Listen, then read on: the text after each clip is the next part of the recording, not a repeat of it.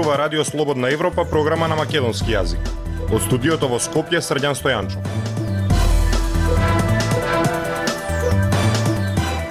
Ја слушате емисијата на Радио Слободна Европа, почитувани. Во неа објавуваме Русија обвини дека донирањето тенкови за Украина е голема грешка. Во владата велат дека го подржуваме територијалниот интегритет на Украина. Продолжува медиумската војна меѓу финансиската полиција и обвинителството за организиран криминал. Животот за 100 евра месечно поскапен од лани. Поскапе храната, горивата, струјата, грејењето. Слушајте не. Независни вести и анализи за иднината на Македонија. На Радио Слободна Европа и слободнаевропа.мк. Реакцијата на Руското Министерство за надворешни работи дека донацијата на македонските тенкови за Украина е голема грешка, македонските власти ја потврдуваат поддршката за територијалниот интегритет, суверенитет и независност на Украина. Македонската влада додава дека Македонија е суверена држава која одлуките ги носи самостојно.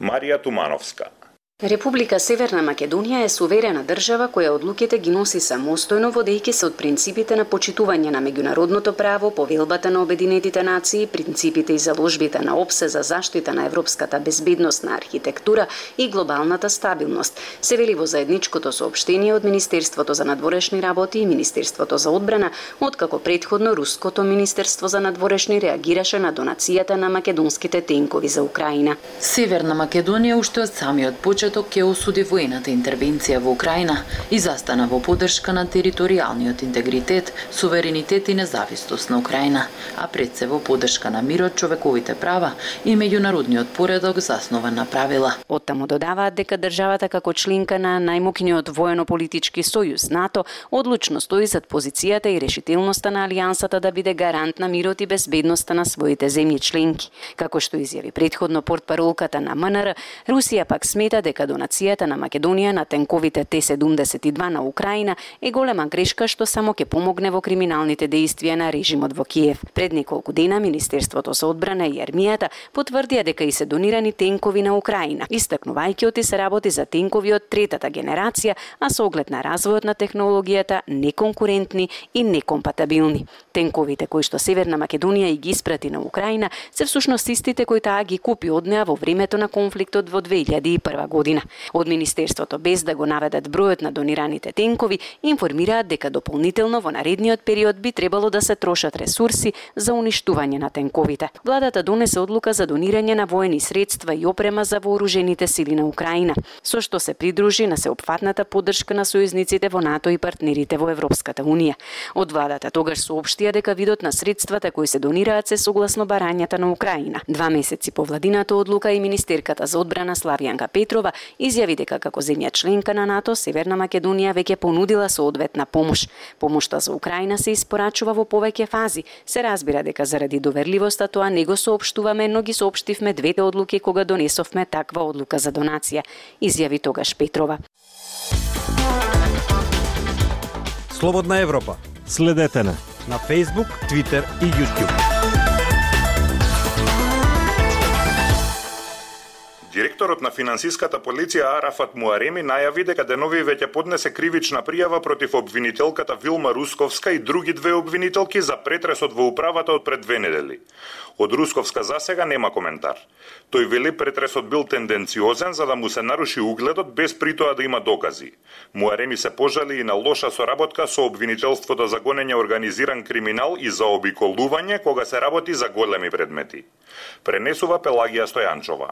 Не сме Вилма Русковска да ги руши државните институции, да создава јавен впечаток дека финансиската полиција е корумпирана и не работи според закон, а истовремено да смета дека никој не смее да ја контролира и оценува низината работа, рече првиот човек на финансиска полиција Арафат Муареми на брифинг со новинарите. Тој вели дека претресот бил тенденциозен, со единствена цел да му се наруши угледот, да се доведат во прашање сите постапки што ги воделе и водат, а се со цел како што вели да ги заштити интересите интересите на незините блиски луѓе, пријатели и соработници за кои управата веќе води предмети.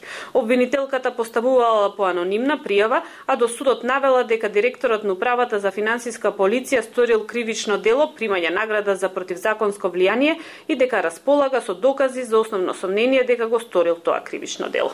Побаравме одговори од Министерството за финансии, од владата, од и финансиската полиција, дел од Министерството за финансии, а директорот на институцијата го поставува владата.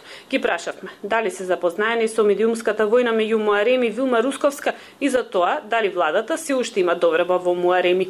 Владата не коментира тековни истраги на обвинителството, ни одговори од владата. Муареми запрашан дали се пожалел кај својот шеф за тоа што му се случува, одговара, во туги битки никој не се меша. Од финансиската полиција не се задоволни од соработката со обвинителството за гонење организиран криминал. До нив во изминатите години, кога начело на оваа институција Арафат Муареми доставиле низа пријави, наредби и извештаи, но од обвинителството многу случаи не процесуирале, експресно ги отфрлиле или пак предметите ги заборавиле во фиока. Финансиската полиција брифира и дека на Русковска и протекуваат документи па анонимната пријава по која што таа направи претрес во финансиска полиција 8 на по 4 дена на еден портал. Од финансиска полиција прашуваат и зошто за одредени големи капитални предмети обвинителството на Русковска не соработувало со нив. Зошто не побара да се извршат проверки во актуелни истраги, да се испита потеглото на парите за Мијалков, за Груевски, за Орце Канчев, а експресно постапи по оваа анонимна пријава и дојде да направи претреси неосновано и незаконски, прашуваат од управата. Првиот човек на финансиската полиција објаснува дека неговата институција самостојно не прави проверки во рамките на тековни истраги, туку само по налог на обвинителството. Наши економски проблеми. Ние разговараме за решенија на Радио Слободна Европа. Храната и струјата поскапеа за 20%, горивата за над 40%, грејењето за над 30%. Растот на просечната плата не ги следи овие поскапувања. На едно 4 члено семејство му е потребно 100 евра месечно повеќе од лани за да го истера месецот. Просечната плата во изминатата година е зголемена за скоро 3000 денари и надмина 31.400 денари. Но тие пари денеска вредат помалку од 28.700 денари колку што беше платата лани, покажуваат податоците на Државниот завод за статистика. Официјалните податоци покажуваат дека платата е зголемена за 9% во однос на лани, но трошоците за живот се зголемени за 14%, па просечната плата вреди помалку од лани.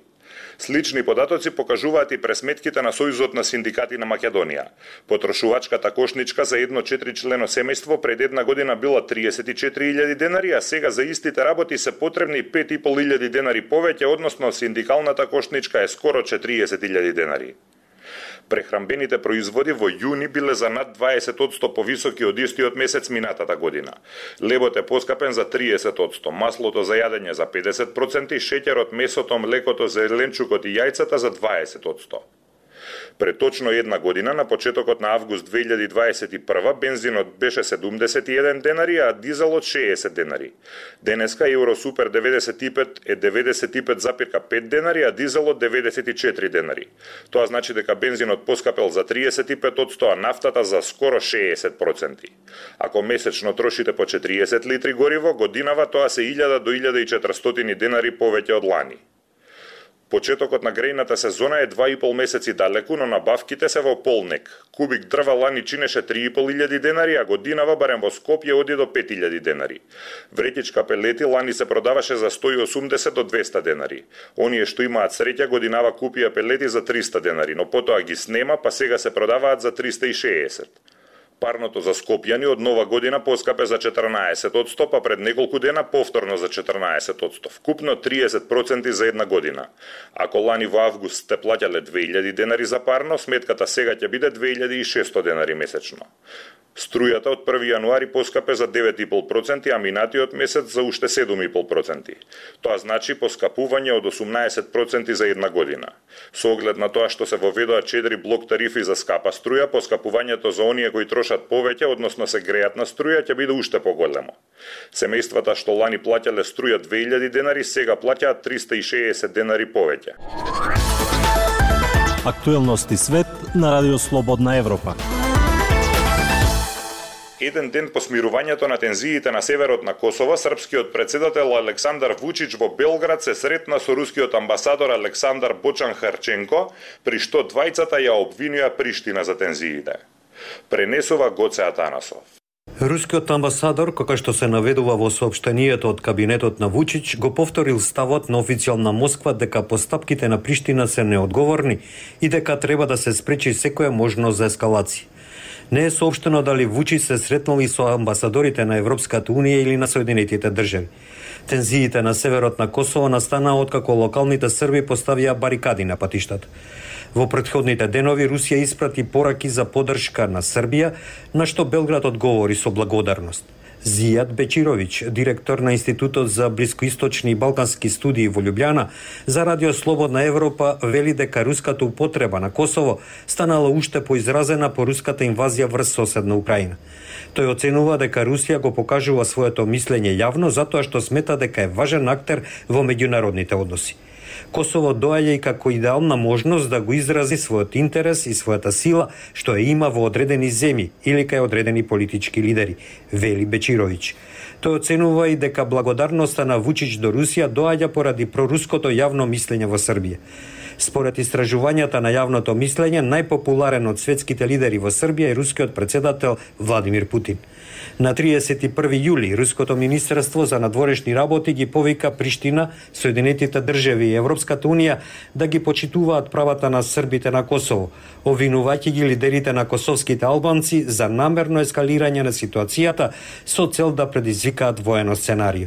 На станите на северот на Косово ги следеше и рускиот печат. Така, на пример, руската газета објави дека рускиот амбасадор во Србија ги обвини Соединетите држави и Европската унија дека се обидуваа да турнат Србија на колена. Председателот на Србија во своето обраќање до јавноста им се заблагодари на оние што ја поддржаа Србија, како и на оние што искажаа правилни ставови. Посебно сакам да им се заблагодарам на представниците на Министерството за надворешни работи на Русија, кои реагираа на многу коректен начин, изјави тогаш Вучич култура и уметност. На Радио Слободна Европа. Девет одбрани кратки филмови со актуелни теми од 8 медитерански земји ќе бидат прикажани на првото издание на меѓународниот филмски фестивал преку езерото, што од 5 до 7 август се одржува во Стар Дојран. Повеќе од Лјупчо Јолевски.